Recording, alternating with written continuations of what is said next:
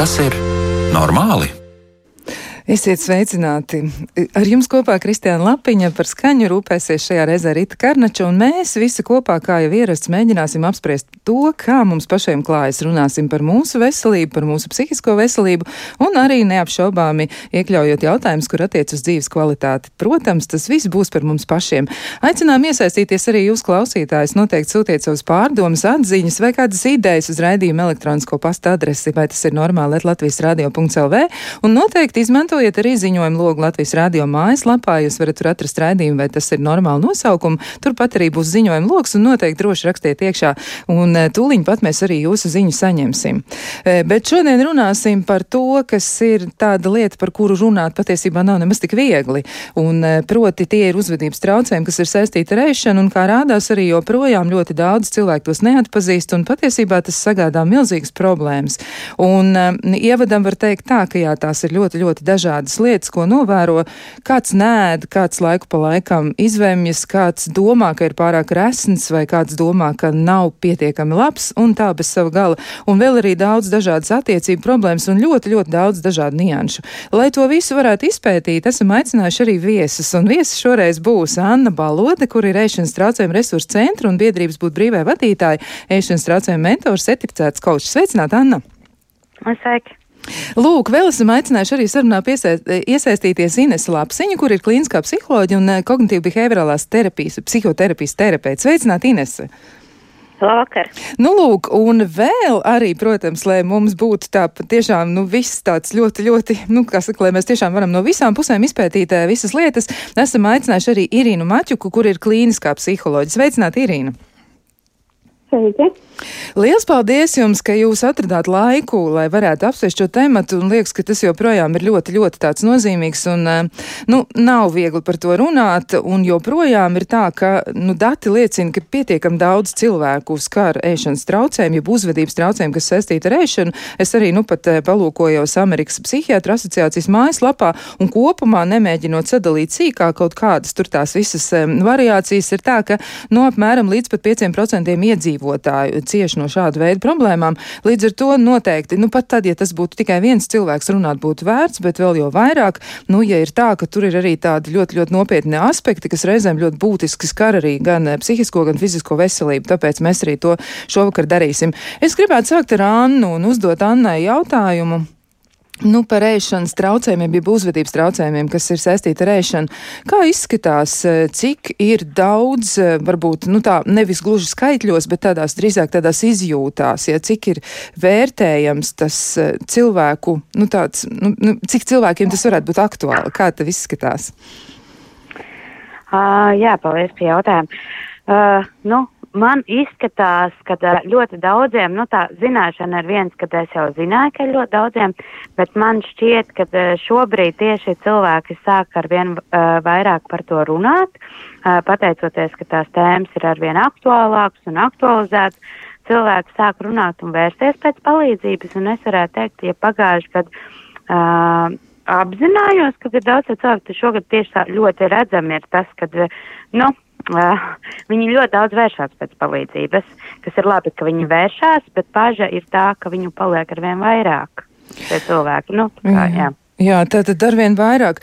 Nu, vai drīkst atklāt arī tavu personisko stāstu kaut nedaudz? Varbūt tu vari pateikt arī, nu, tu jā. esi nu, tas cilvēks, kas ir bijis, kā saka, iekšpusē. Tas nav skats no malas, jā, jo reizēm arī ir tā, ka tie cilvēki, kuriem ir ļoti grūtas lietas jārisina, viņi citreiz ir ļoti kritiski pret kādu, kurš viņiem šo palīdzību mēģina piedāvāt un saka, tu neko nesaproti, tev nekad tā nav bijis, tu nezini.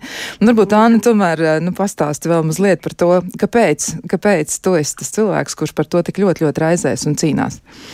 Uh, es ļoti, ļoti raizējos, jā, uh, un cīnos, tāpēc, ka es pats tur esmu bijusi ļoti, ļoti dziļi iekšā un uh, reāli saskārusies ar tām problēmām, kuras, diemžēl, es redzu arī šobrīd. Un es domāju, daudz speciālistu vēl arī piekritīs, ka ir uh, ļoti liela uh, stigma Latvijā vēl šajā jautājumā.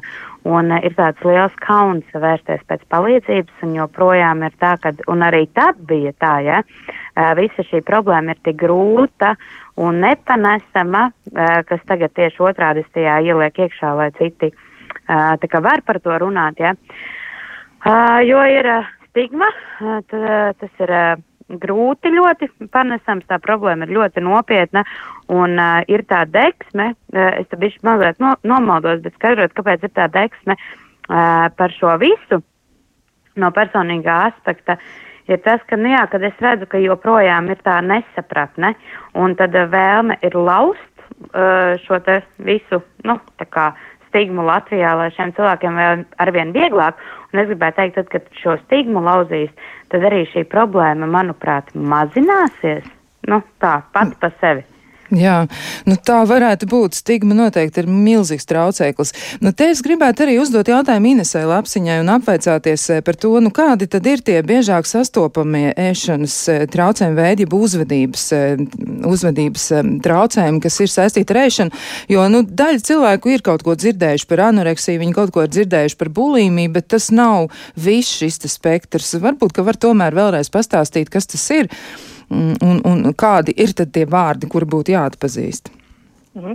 Jā, man jāsaka, ka tā praktiskā darbība vai tāda praktiskā pieredze strādāt ar pacientiem ar ēšanas traucējumiem sakrīt ar pētījumu datiem par to, ka vairāk izplatīti ir jaunāka vecuma cilvēkiem anoreksija un bulīmija. Nu, tas ir tāds no 13 līdz 26, 28 gadi.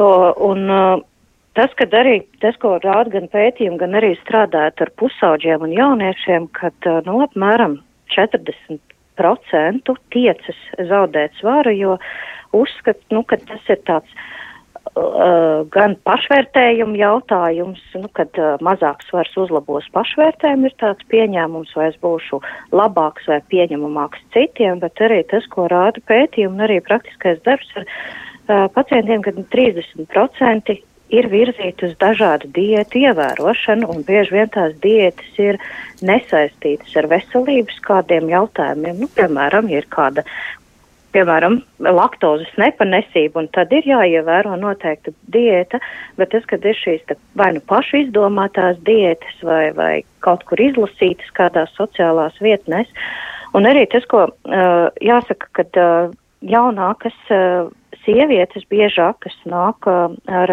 anoreksijas vai bulīmijas simptomātiku uz konsultācijām, kad viņām arī ir tā tieksme un tendence, nu, ka man ir jābūt slaidākai, jābūt tievākai, un šis slaidums, kāds man ir šobrīd, tas īsti neapmierina pašu, un tas arī saskana ar pētījumiem, kur norāda, ka uh, jaunām sievietēm ir tīpaši izglītotām sievietēm ir ļoti liels risks tieši uz šo vēlmi kļūt tievākām, tā pārņemtība ar, ar tiemumu. Savukārt uh, vairāk cilvēki pēc 30 gadu vecuma uh, tomēr gan mūsu klienti Latvijā šeit to parāda, gan arī dažādi pētījumi par to, ka tad vairāk ir šī vai no ar emociju regulācijas grūtībām saistīta tāda emocionālēšana, vai arī ir šī negausīgas ēšanas tendences, vai, nu, ja kā mēs to zinām, tāda kompulsīva pārēšanās bez atbrīvošanās no apēstā, kas pēc tam rezultēs lielā kaunā un nepatikā pret sevi. Jā, nu tā tad pētījuma apliecina tiešām, ka ļoti daudz cilvēku mēģina kaut kādā veidā pārvaldīt to, kas notiek ar viņiem. Nu, kāds varētu būt tas pamats skaidrums? Varbūt es varu šo jautājumu arī uzreiz adresēt Irinai Maķukai un iesaistīt viņu sarunā. Nu, kā, kā tas varētu būt izskaidrojums? Kas ir tie pamati iemesli, par kuriem pētnieki šobrīd jau zina un arī zina praktiķi, eh, kas varētu izraisīt dažādus uzvedības traucējumus, kas ir saistīti ar ēšanu, tātad tās mm, uzvedības izmaiņas, kā, kas, kas varētu būt tie iemesli, jo, nu, tiešām pētījumi arī daudz ko pasaka un ir arī dažādi dati. Mm -hmm, paldies. Nu, uh, viens no tādiem primāriem, primārām lietām un uh, nu, tāds liels riska faktors ir tāda neapmierinātība ar ķermeni. Un, uh, protams, no tā arī izriet uh, tas fakts, ka pēc statistikas uh, vairāk tomēr arī iešanas traucējumiem ir pakļautas sievietes, arī jaunākas sievietes, jo uh, diemžēl arī mūsu kultūra ir tāda, ka uh, ar, ar gadiem, kopš uh, 1960. gada, īpaši nu, tas ideālais ķermeņa tēls, un sievietei viņš paliek arvien mazāks un mazāks, tievāks un tievāks. Un, protams, ka ne visi cilvēki tīri dabiski, fizioloģiski, bioloģiski vispār ir spējīgi būt veseli tādā svarā un tādā augumā. Uh, otrs, ja mēs runājam par uh, nu, dažādiem uh, teiksim, kompulsīvas ēšanas problēmām, emocionālas ēšanas problēmām, uh, nu, viena no tādām lieliem riska faktoriem ir tiešām diētu ievērošana, un mēs dzīvojam tādā nu, diētu kultūrā, kur dietas ir ļoti sociāli atbalstāmas, uh, kas ir uh, nu, no vienas puses mēs dzīvojam sabiedrībā, kur ēdiens ir ļoti pieejams un viņš ir ļoti garšīgs un viņš ir ļoti dažāds un tas ir tāds ļoti sociāli pieejams veids un pieņemams veids, kā mēs varam arī regulēt savas emocijas. Ja, mēs varbūt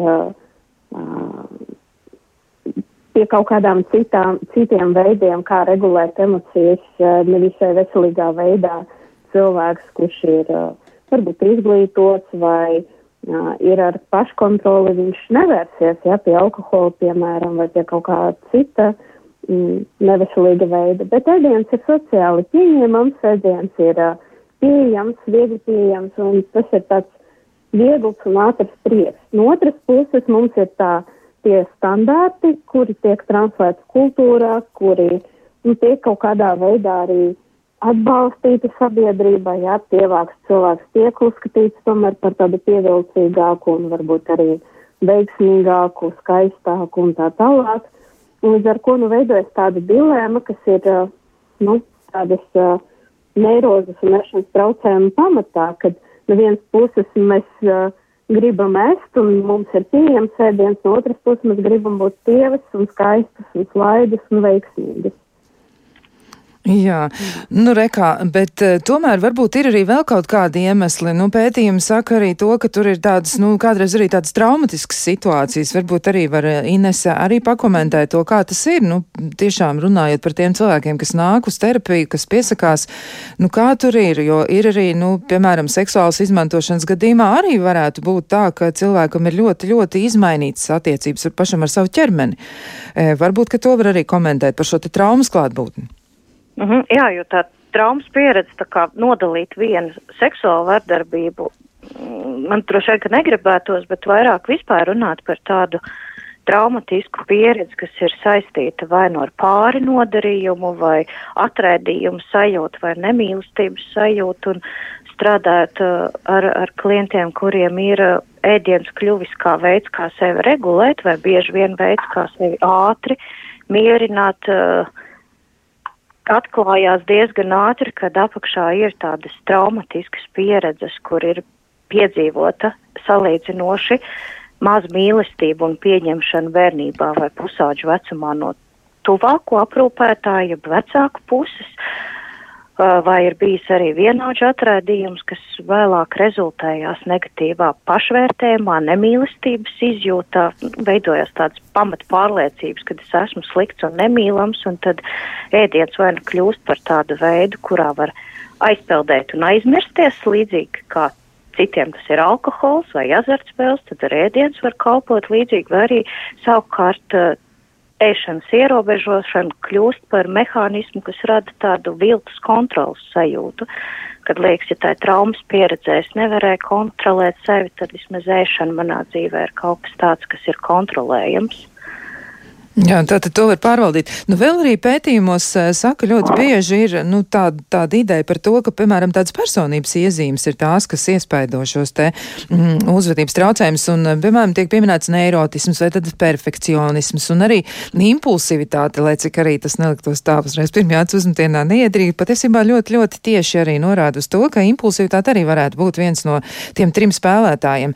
Nu, kā, piemēram, jums visām trim izskatās, vai šīs personības iezīmes varētu būt iespaidojušas? Varbūt es vērsīšos šoreiz arī pie Annas, un, un Anna varētu komentēt, kā izskatās, jo noteikti arī nu, tu ļoti daudz darbojies ar šādiem cilvēkiem, un varbūt tev jau ir tāds savs priekšstats izveidojies. Kā tur ir, piemēram, ar to perfekcionismu un to cenšanos būt izcilam un, un, un pareizam un kārtīgam? Mm -hmm.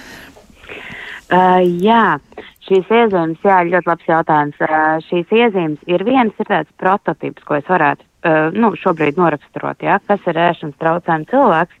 Uh, padalīšos ar tām, bet sākotnēji es varu pateikt, uh, ka, manuprāt, jā, ir kaut kādas vienas iezīmes, kas nāk jau šī emocionalitāte, jā, nāk arī no bērnības, un tā, bet es gribētu teikt, ka arī šīs traumatiskās pieredzes, par ko Ines iepriekš runāja, izveido kaut kādas jaunas šīs iezīmes, un galu beigās, klāt vēl nākot šiem ēšanas traucējumiem, rodās vēl papildus kādas personības iezīmes, un tad galu beigās šie cilvēki, jā, izveidojās ar tādām vienādām, nu, tādām ļoti līdzīgām iezīmēm. Uh, tas būtu, piemēram, es uh, saku, kad es saku mēs, jā, jo es tād, kādreiz tajā biju, bet taču, taču es uzskatu, nu, ka es joprojām esmu tur, tikai man tas neizpaužas, jā. Um, Tās iezīmes tādas, ka parasti ir ļoti emocionāli cilvēki, ļoti mīloši, ļoti dodoši uz āru citiem, ļoti sirsnīgi, empātiski, viegli ievainojami, gudri, šo īpašības pamanu arvien, arvien vairāk, un arī in, investo minēja, ļoti gudri, um, tādi ne tikai, ne tikai intelektuālā līmenī, bet arī emocionāli ļoti gudri šie cilvēki parasti ir. Ļoti izpalīdzīgi, godprātīgi, taisnīgi un, un nu jā, ļoti tādas iezīmes, kas ir dodošas citiem, bet varbūt reizē nav palīdzošas uh, pašiem, jo šie cilvēki bieži vien viņiem ir grūti novilkt robežas, kaut kādas pateikt nē. Um, vēl kā iezīme varētu būt. Uh, Nu jā, nu šī sirsnība, tāda ļoti liela labestība, ko, eh, ko es gribētu teikt, bet, uh, un arī atkal tad, kad cilvēks ir ārā no šiem ēšanas traucējumiem, jā, jā vēl ir ļoti uh, šī nepārliecība par sevi, jā, es neesmu gana labs, kaut gan man darbs ir ujujuj, cik labs vai uh, skolā, pirmais skolēns klasē, bet tāda ļoti liela nepārliecinātība par sevi, taču tiekot ārā no šiem ēšanas traucējumiem veidojās tāda pārliecība par sevi. Gluži otrādi šis cilvēks ir iemācījies novilkt robežas. Viņš vairs nav tas cilvēks, kas uh, vienmēr saka jā vai visiem tā, viņš domā vairāk par sevi. Un šīs iezīmes, nu gluži viņš nepaliek cietsirdīgs un tā, bet uh, šīs iezīmes tā kā modificējās nedaudz. Un es gribu teikt, uh, nu, es šo es teiktu vairāk kārt, ka ēšanas traucējums, manuprāt, ir tā kā vēl viens cilvēks, kas iemiesojas cilvēkā. Jā, varbūt tā traki izklausās. Un tad ir šis iezīmju kopums no šiem diviem cilvēkiem, no šī ēšanas traucējuma un uh, no cilvēka paša. Taču tad, kad cilvēks izkļūst ārā, viņš paliek tikai ar savām šīm iezīmēm, ar kurām viņš bija iepriekš. Jā, viņš ir emocionāls, kā viņš bija bērnībā, jā, viņš ir gudrs, kā viņš bija bērnībā, taču viņam zūd kaut kādas šīs te, e, citas negatīvās iezīmes, piemēram, slīpētums, Nu, eh, kaut kā viņš saglabājās tās iezīmes, jā, bet netika izteikti, kas arī slīpētums arī vēl viena iezīme tāds, eh, tāds, nu, tāds eh, kā pat ļoti izmanīgi ir šie cilvēki, bet to viņi iemācās pateicoties ēšanas traucējumam, jo viņiem ir ne, nemitīgi jāslēp šis te, kas viņiem ir, jo, nu, kā par to ir kauns runāt un tā, viņiem ir jāizlavās, kad izvemties vai uh, pateikt, kad es jau pēdu, kaut nepēdu, un viņiem rodās šī tā jā, iezīme tāda ļoti izmanīšanās. Jā, kas ir vienmēr slikti. Tad, tad manipulēšana patiesībā, lai saglabātu vismaz kaut kādu jā. daļu no sevis kādu laiku. Jā, varbūt arī Inesē ir kāds komentārs par šo, nu kā varētu mēs raksturot to personības attīstību, jo tiešām, nu. Anna raksturoja šos cilvēkus kā tiešām tāds ļoti, ļoti, nu, atvērts un ļoti, ļoti dodošs un ļoti tādu siltu sirdi, bet, nu, izskatās, ka viņiem ļoti ir arī jācieš dēļ tā.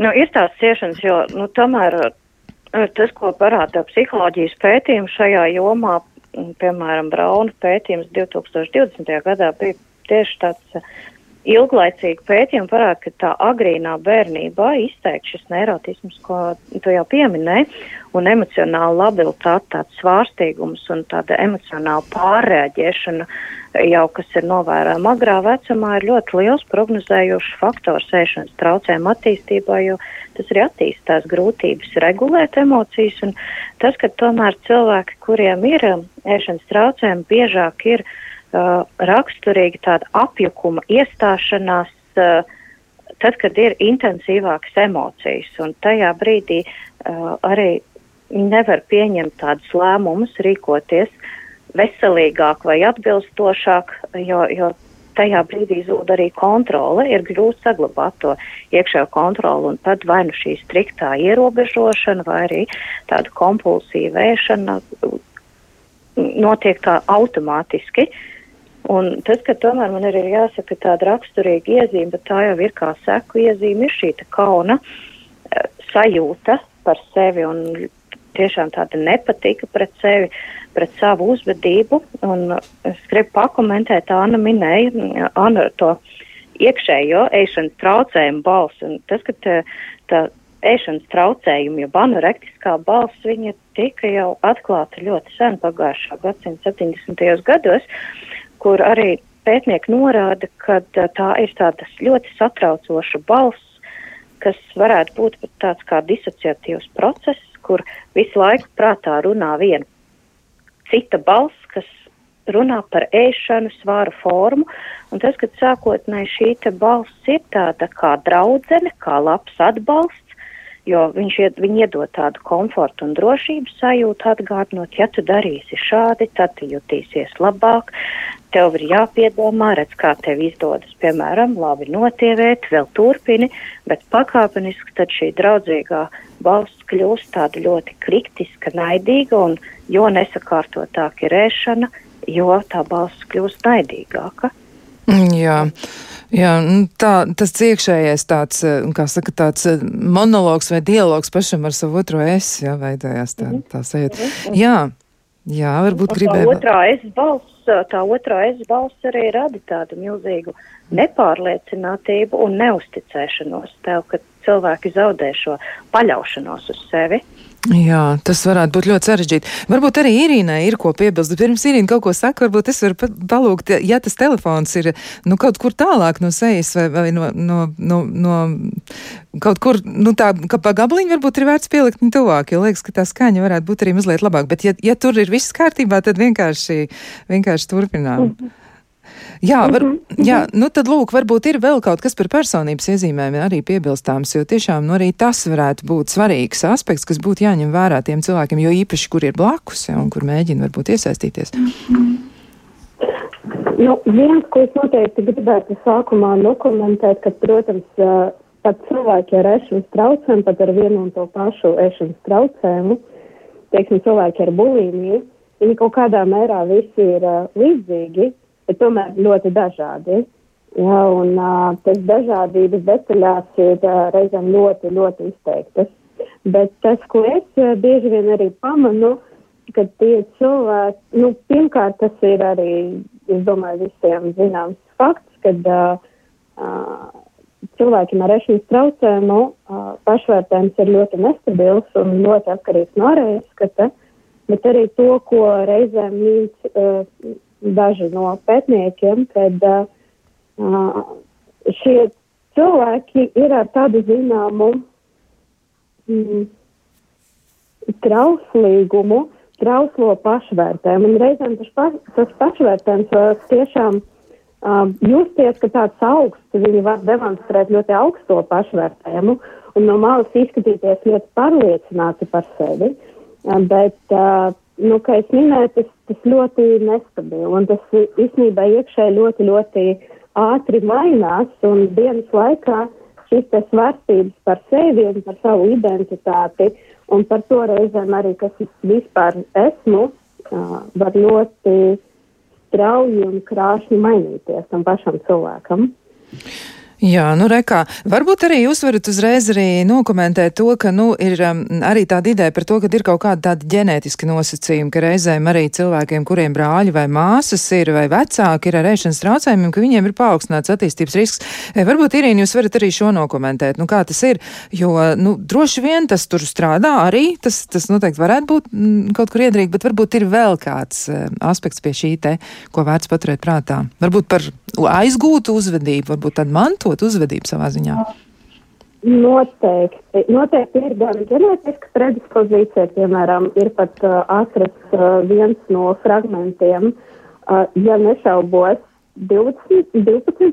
chromosomā, kas varētu paaugstināt risku, ka cilvēkam izveidos, izveidosies anoreksija, bet noteikti lielāks uh, tāds uh, pārmantojums ir nevis no ģenētikas, bet no uzvedības. Un, teiksim, ja mamma uh, ļoti bieži kritizē pati sevi, ne bērnu, bet sevi, izsaka kaut kādas, varbūt, uh, šaubas par savu ķermeni, vai, vai saka, ka, kad viņai ir jāpievē, vai kad viņai ir jāiet mazāk, bērni ir ļoti jūtīgi, tīpaši mazie bērni. Maziem bērniem vēl nav tāda pilnīga separācija no mammas, Un ja mamma saka, ka viņa ir neglīta un ka viņa ir jāpievē, jāievēro diēta, tad uh, ļoti bieži bērns to pārņem arī par sevi. Uh, jā, uh, arī, teiksim, vecāki brāļi vai citi nozīmīgi pieaugušie, ka viņi demonstrē tādu ešanas traucējumu uzvedību vai kaut kādu subklīnisko uh, ešanas traucējumu, teiksim, pārēt uz emocijām vai visu laiku sēž uz diētām, tad, protams, kad uh, bērns to var pārņemt, un, un tas ir tas veids, kā viņš, viņš redz, ka tas ir veids, kā pieaugušais regulē emocijas. Jā, nu tā tad iemācās šādas lietas. Jā, nu tas izklausās gana nopietni. Mums tiešām ir vēl ļoti daudz lietas pārspriežams, bet to visu mēs tuliņ arī darīsim un darīsim to pēc īsa brīža.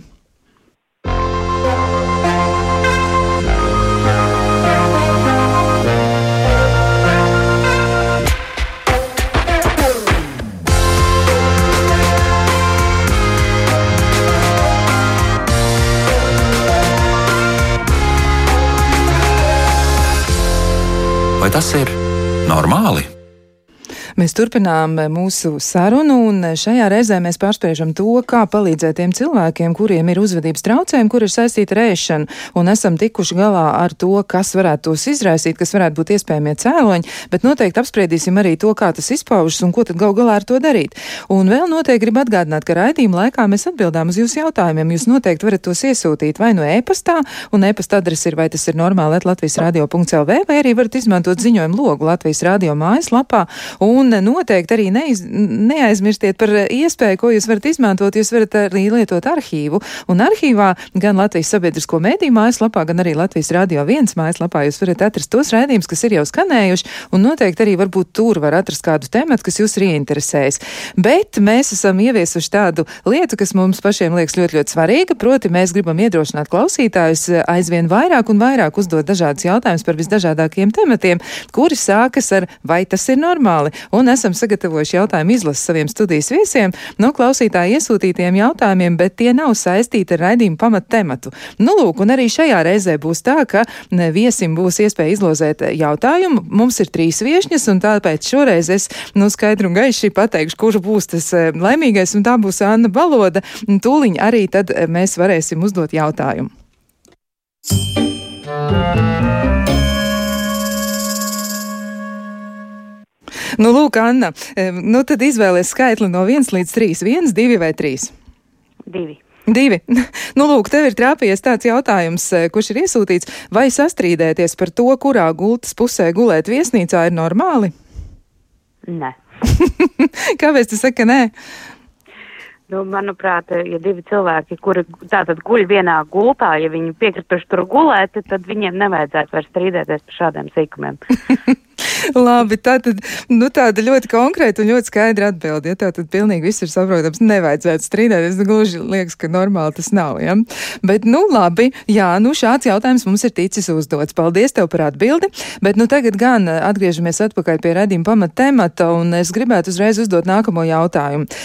Ēšanas traucējums reizēm ir ļoti, ļoti grūti pamanīt. Nu, ar anoreksiju ir tā kā viens stāsts, bet, nu, ir arī tādi, piemēram, bulīmijas gadījumā reizēm ir ļoti, ļoti grūti e, pamanīt, kas īsti īsti notiek. Nu, varbūt mēs varam parunāt mazliet arī par to, kam būtu jāpievērš uzmanība un kas ir šie simptomi, jo arī pats cilvēks reizēm var nevisai labi saprast, kas tad īsti notiek. Jo, nu, mēs jau runājām drusciņi par šo kontrols ilūziju, ka liekas, ka viss ir tā ļoti labi un es tieku galā ar dzīvi un man ir diēta un es vingroju un viss ir brīnišķīgi. Bet patiesībā lietas jau vairs nemaz tik labi neizskatās.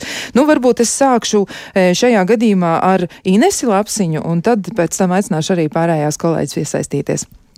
Mm -hmm. Jā, jā, paldies, jo tiešām, jā, anoreksijas pacienti atklāti izvairās atklātāk no, no nēšanas, tad strādājot ar bulimijas pacientiem un, un, un arī lasot literatūru, parādās tādas būtiskas iezīmes, kam būtu jāpievērš apkārt tuviniekiem vai arī draugiem uzmanība, ka tā būtu tāda izvairīšanās ēst kopā ar citiem, vai tāda aizbildināšanās, ai, man nav apetītes, es jau paspēju paēst, vai es te gatavojot jau pieknakstījos pilnu vēderu, vairs neko negribu.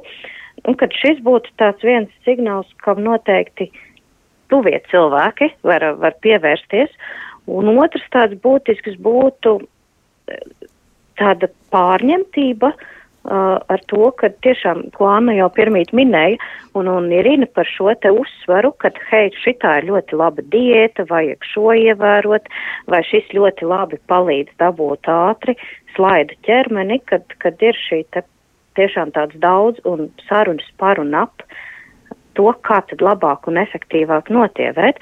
Tam, kam vēl būtu jāpievērš uzmanība, un viens no tādiem būtiskiem signāliem, kas kļūst aizvien populārāks, jo domāt tieši par bulimijas pacientiem, kad biežāk mums prātā nāk atbrīvošanās no, no ēdiena, tāda attīrīšanās uzvedība, kas būtu vai nu vēmšanas izraisīšana vai caurēs līdzekļu lietošana, bet tas, kas kļūst aizvien izplatītāk, ir šī pārmērīgā fiziskā noslodze, kad cilvēks uzņem mm, enerģiju ar ēdienu uh, maltītes laikā un tad ātri vien dodas nosportot un ka šī ir tāda tipiska uzvedība, kas atkārtojas diena no dienas, kad ir tā doma vai šī uzskatīšana, ai, es šodien apēdu tik un tik kalorijas, man tagad ir jāaiziet un jānostaigā tik un tik vai jānoskriet tik un tik, un kad šie ir tie atslēgas vārdi, kuriem ir jāpievērš uzmanība, jau tādas uzvedības izpausmes. Jā, nu jā, tā tad tas, varbūt arī vēl ir kas piebilstams, noteikti arī Annai ir ko teikt. Es tagad uzrunāšu Annu un pēc tam noteikti arī Irīnu. Mm -hmm. Jā, paldies, paldies Ines, jā, ka tu par šo par, pārsportošanu tieši runāji, jā, jo to es arī pamanu arvien biežāk, jā, kad lepojos, ka es eju sportzāli piecreiz nedēļā, jā, ka, ka cik kilometrus nogāju, uh, kad es ar bērnu ratiņiem, kā jaunā māmiņa, staigāju 20 kilometrus, jā, uh, visu dienu uh, un, un tam līdzīgi. Uh, tad jā, šis ir viens no veidiem, un otrs, vēl kam ir jāpievērš uzmanība, manuprāt, ir, uh, ka bieži vien, tad, kad arī, kad tiek ārā, piemēram, anoreksijas vai vispār, ka vecāki ļoti priecājas, ka bērns redz uh, vai jaunietis mums tik ļoti daudz gatavo ēst, un, un tā, uh, jo ir tā pāēšana ar acīm. Nu, tā. Eh, tam ir jāpievērš uzmanība, ko tieši ēd. Un uh, vēl tieši konkrēti bulimijas, kas man tuvākais veids, ja, kas bija mans veids, atbrīvošanās veids, ir pievērst uzmanību šiem te uh, pirkstu kauliņiem uz rokām. Uh, jo, nu, es tā ļoti tieši varbūt kādam neliksies pieņemam tas, ko es runāju, bet no vēmšanas, ja, bāžot roku mutē, kam, kam vēl tas ir jādara, ja, uh, nobrāžās ādas, uh, āda rokai. Un, uh, un šīs zīmes ļoti labi var redzēt, kas vēl ir jāpievērš uzmanība, uh, ko es esmu pamanījis, ir ļoti izteikti, nu ir šīs pazīmes, ļoti izteikti ir liela galva un ļoti tievs ķermenis. Tā kā arī, ir jāpievērš uzmanība, ka šis uh, manu jaunietis un arī sievietes, un arī sievietes 40, 45 gados ļoti daudz kā ēd, jā, un ļoti ātrā tempā, it kā sākās, uh, nu, piemēram, sāk ar dārzenīšiem pie galda. Jā, es, es nē, es dārzeņus, es salāts. Un pēc tam tu redzi, kā uz šķīvi iet viena karbonāde, otra karbonāde, un arvien ātrākā tempā tas notiek, ja? Un, kā, un ļoti, ļoti slēdz sievietes vai vīrietis. Ir arī vīrieši, un mūsu praksē arvien vairāk viņi ir. Kā, un tam ir jāpievērš uzmanība, jo šķietam, ka cilvēks jau ir daudz apēdis, ja, bet viņa tas sēšanas temps, kā, nu, tieši bulimijas un, un kompulsīvās sēšanas gadījumā, pieaug. Kā, un nekontrolēti šķietami viss pēc kārtas tiek likts mutē, ka cilvēks kā pēdz. Uh, tas ir viens, un ar ko aizbildinās, es ļoti izsācis, ļoti izsākus esmu, un, un tā, ja.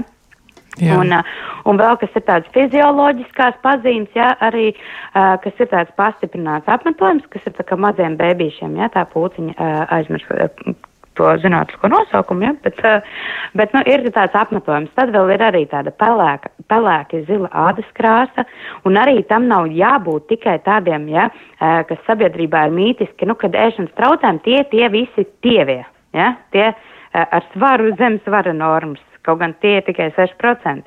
Uh, bet ir jāstāsta arī tāda neveselīga ādas krāsa, arī varbūt cilvēkam svara normā, kas ir vēl. Ja, viņam vienkārši tāds neveselīgāks, tāds blāvs izskats, mati plāni, tieši tie, kas atbrīvojās, ja, krīt ārā, kas arī var būt mamām, ja ir, piemēram, aizdoms, ja, vai vecākiem vai, vai, vai citam aprūpētājiem, ir aizdoms, ka varētu būt, nu, ka zemes svars un tā. Viens no arī rādītājiem nu, šī tā viena no pirmajām pazīmēm apskatīties uz spilveni, ja, ka šie mati ļoti sāk krist ārā, kad viss spilvens ir matos. Nu, tā. Un, un daudz tās pazīmes. Jā. Jā, bet nu jābūt vērīgiem. Varbūt arī Irīnai vēl ir kas piebilstams. Varbūt vēl kāda lieta nāk prātā, ko ir vērts atgādināt. Nu, pirmais, jā, kad ļoti daudz šo paziņu un, un tiešām visas mēs nevarēsim nosaukt. Tas, kas man, nu, man pašai ir gana ilga bulimijas pieredze un man liekas ļoti izteikti pietuskoši sieklu dziedzeri, tas ir tāds ļoti, ļoti arī redzams, um, redzama pazīme. Otrs, uh, pēc uzvedības uh, varētu pamanīt, ka bieži vien cilvēki ar ēšanas traucējumiem nes uh, tādas, tādas drēbes, kas varētu paslēpt ķermeni. Ne visi, protams, visi ir dažādi, bet tas varētu būt tas, kam var novērst, pievērst uzmanību, ka pēkšņi bērns vai vai arī sieviete, kurā nesēja dažādas drēbes, tagad izvēlās tādas nu, kas, kas slēpj ķermeni. Uh, arī varētu ļoti svārstīties ķermeņa svārds, it īpaši bulimijas uh, un kompulsijas ēšanas uh, sievietēm vai, vai vīriešiem, ja, kad, kad svārds ļoti pēkšņi strauji samazinās, tad viņš pēkšņi arī uzkāp uh, augšā. Uh, tas tādas varbūt nevisai, kas patiešo arī varētu nozīmē, ka cilvēkam varētu būt ēšanas traucējums, bet nu, bieži vien, kas, kas varētu nākt, kad, kad cilvēks izvēlās ļoti specifiskus sēdienus, tādus, kurus varbūt jūs pat neesat, kurus nosaukums jūs neesat dzirdējuši, vai tādus, nu, pēkšņi viņš kļūst par vegetārieti vai svaigēdātāju, vai, vai arī tādus ļoti mm, dīvainus sēdienus, teiksim, sporta uzturu, uh, vai kaut kādu ēdienu, uh, kas ir ļoti liels uh, apjomā, bet ļoti zems pēc kalorijiem. Tas varētu būt tādi, nu, tādi, tādi sarkanie karodziņi. Mm -hmm. Jā, tātad sarkanie karodziņi jāpatur prātā, jā, no, man liekas, Anna teica, ja, ja, ja Ines par tiem 30% cilvēkiem, kas ievēro dažādu veidu diētas, noteikti laikam tomēr, tomēr jāpievērš uzmanība tam, nu, kas notiek ar to pārējo visu daļu, jā, vai ķermenis joprojām ir vesels un vai organisms tiešām darbojas. Nu, tādā gadījumā iespējams, jā, ka varbūt kādam ir pārliecība vai ideja par to, ka es nevaru ēst dzīvniekus, jā, un tad tiešām tas tā varētu būt, tāds lēmums var tikt pieņemts, bet, nu, nedrīkstētu būt tas kaitējums veselībai. Es arī atradu atradu vēl pāris tādas lietas, par kurām mm, ir vērts atcerēties. Droši vien arī, nu, piemēram, tāds ļoti interesants ēšanas rituālu, nu, tā ēšanas rituāla daļa, ja, piemēram, mm, ka pārtiks produktiem neļauj savstarpēji saskarties, ja vēd tikai kaut kāds noteikts pārtiks grupas, vai reizēm arī ir tā, ka tādai faktūrai pievērš uzmanību. Nu, tātad tiešām viss noteļ tādas nopietnas lietas, dažas ir no tādas, liekas, tādas sīkas, bet ir tam vērts pievērst uzmanību. Bet te nu mēs nonākam līdz tam, kāpēc vispār par ēšanas traucējumiem tik ļoti, ļoti būtu jārunā un kāpēc tas ir tik nopietni. Nu, varbūt var iezīmēt arī to nu, ļoti lielo bīstamību, kas tomēr ar to ir saistīta. Varbūt es varētu Ines apziņu aicināt iezīmēt tiešām to, nu, kāpēc tas ir tik ārkārtīgi svarīgi, kāpēc būtu tik daudz par to jādomā, jo nu, varētu tā likties, ja nu, kas tur tāds, ja kādu laiku tur man tur diētu, kas tur mati mazliet nespodrāk, nu, kaut kā jau tikšu cauri. Mm -hmm. Tas, kas man pirmais nāk prātā, ka tomēr tie ēšanas traucējumi ietekmē ļoti ne tikai matus vai nāgus, bet arī daudz nopietnāk tādas izmaiņas smadzeņu struktūrā un funkcionāls izmaiņas. Līdz ar to nu, tas nozīmē, ka cilvēka smadzenes vairs nestrādā tik efektīvi kā pirms, piemēram, ēšanas traucējumu attīstības un, un aizsākumu, un arī tas, nu, tas arī kopumu apgrūtina pēc tam atvesaļošanos. Uh, vēl ļoti liels risks, un droši vien tas, kas arī vairāk uztrauc gan ārstus, gan, gan arī terapijas speciāls un psihologs, ir tomēr šis augstais mirstības risks. Un šeit ir jārunā gan ne tikai par mirstību, kas ir saistīta ar ļoti zemu svaru, kad cilvēks pārstāja funkcionēt, jo tas svars ir ļoti zems un uh, citēšu kolēģi, kas strādā arī ar pacientiem Veldras ielas stacionārā. Viņa teica, ka tā dramatiskākā ir doma par to, ka katrs piektais anoreksijas pacients kādā brīdī vairs neatnāks, jo viņš būs nomiris no bada, kad ķermenim vairs nav no kā dzīvot. Bet arī tas, ka domājat par šo mirstības risku, kad uh, pētījumi arī rāda šo ļoti augsto suicidalitāti, un tas ir pie dažādiem ēšanas traucējumiem, biežāk pie anoreksijas un bulimijas, bet arī tas, kad statistika pasaulē rāda, ka tie skaitļi ir pieaugušā, pieaugušā dinamikā un, un ka tomēr biežāk ir šie suicidalitātes gadījumi, kas eh, ir pacientiem ar ēšanas traucējumiem. Ja? Nu, tā tad ļoti nopietni par to noteikti ir jādomā. Nu, protams, ir arī dažādas tās ēšanas traucējuma kombinācijas, vis visādas eh, tiešām tādas variācijas, par kurām arī, protams, ir vērts interesēties, bet, nu, skaidrs ir viens, tas ir ārkārtīgs nopietnas stāvoklis, ja, kas ir ar ļoti, ļoti daudziem komponentiem. Vai mēs varam mazliet parunāt arī par to, kāda tad varētu būt tā terapeitiskā pieeja, kas ir tas, ko lieto pasaulē, kas ir tas, ko dara, un uh, varbūt arī ir tādas lietas, ko noteikti nevajadzētu darīt, jo šķiet arī, ka vecāki vai tie cilvēki, kas ir aprūpētāji, reizēm viņi izmisīgi mēģina kaut ko labot, vai reizēm arī pilnīgi neapzināti sadarbojas, ja, un, un citreiz arī ļoti asi vēršas pret šo te pacientu, patiesībā viņa ciešanas padziļinot vēl vairāk. Varbūt mēs varam par to parunāt. Nu, Anna, tad es atkal sākšu ar tevi, un tad aicināšu kolēģis pievienoties. Jā, tas, ko mēs arī esam apvienojuši ēšanas traucējumu centrā šobrīd un arī pēc pasaules pieejas, visefektīvāk būtu kognitīva behaviorālā terapija, tieši kas arī pie mums ir Ines Lapsiņā, un deju terapija, kāds no mākslas terapijas novirzieniem, kas ir viens un kompleksa pie tāda multidisciplināra komanda, kas ir arī psihiatrs, jo bieži vien nepieciešama arī medikamentos palīdzība. Uh, tad ir psihologs, kas, es teiktu, uh, mūsu gadījumā tas ir vairāk arī, jo šim darbam jānotiek nevis tikai ar vienu šo konkrēto cilvēku, bet ar visu ģimeni. Uh, ar apkārtējiem. Atbalsts ir nepieciešams arī uh, jauniešiem konkrēti vecākiem vai, vai pieaugušam cilvēkam, vīram, sievai vai tam līdzīgi, visiem kopā, jo uh, tieši nevar vest tikai šo, šis cilvēks nevar nākt tikai uz terapiju, ja viņš nāk kognitīvi behaviorālā terapijā, bet, uh, kā es saku, atnes printeri jau uz servisu, bet mājās viņu atkal duras čērēm, ja, un tāpēc ir jāstrādā ar visiem kopā, tur nepieciešams arī psihologs, un uh, vēl ir uzturas speciālists. Uzturas speciālists parasti šiem pacientiem, klientiem liekas, nu, es jau visu zinu par uzturu, un viņas tiešām ļoti daudz zina par uzturu un tā, bet uh, tieši pie uzturu speciālistu tur jau, kur šis uh, ķermenis, ja, ir kaut kādā veidā parādās dažādas problēmas, kainoto zārnu sindroms, uh, atvilnis vai tam līdzīgi, uh, tur arī, kur šis svars ir ļoti, ļoti mazs bijis, ir nepieciešams piesaistīt šo uzturu speciālistu, lai atsāktu ēst, nu, pēdējās normām, man ļoti nepatīk šis vārds, ja, bet lai atstā, atsāktu ēst veselīgā veidā, nenodarīt pāri vēl veselībai, jo ir arī bieži vien attīstās dažādas produktu nepanesības, ja, vai arī, kā Irīna teica, tur ir šis veģetārisms, vegānisms, ja. Tad pēc tam arī atsākt gaļu ēst, ja, tur arī to visu vajag darīt pamazām un nepieciešams arī uh, uzturu speciālists. Uh, Tā, un arī tas, ko es saku, ka mentors, ja, ir ļoti nepieciešams mentora atbalsts. Mūsuprāt, mums ir arī mentori, arī Irina kā psihologs darbojas kā mentors, ja, ar bulimijas pieredzi un arī līdzīgi kā es, jo, kā es saku, ir ļoti svarīga šī sapratne un empātija, jo, piemēram, nu, līdz galam nevar to domu izteikt, ja tevi īsti līdz galam nesaprot. Un tas arī šo procesu bieži vien apstādina, ka šis cilvēks nejūtās līdz galam saprast. Viņam ir sāna labi, es neteikšu šito un tā, bet viņam ir svarīga šī te atvērtība. Un uh, varbūt kaut ko vēl šobrīd uh, stresā runāja radio, nepieminēja. Ja? vēl kādu no komandas dalībniekiem droši varat papildināt, bet tā tad jābūt tādai multidisciplinārai šai te komandai kopā, kas ar to strādā. Jā.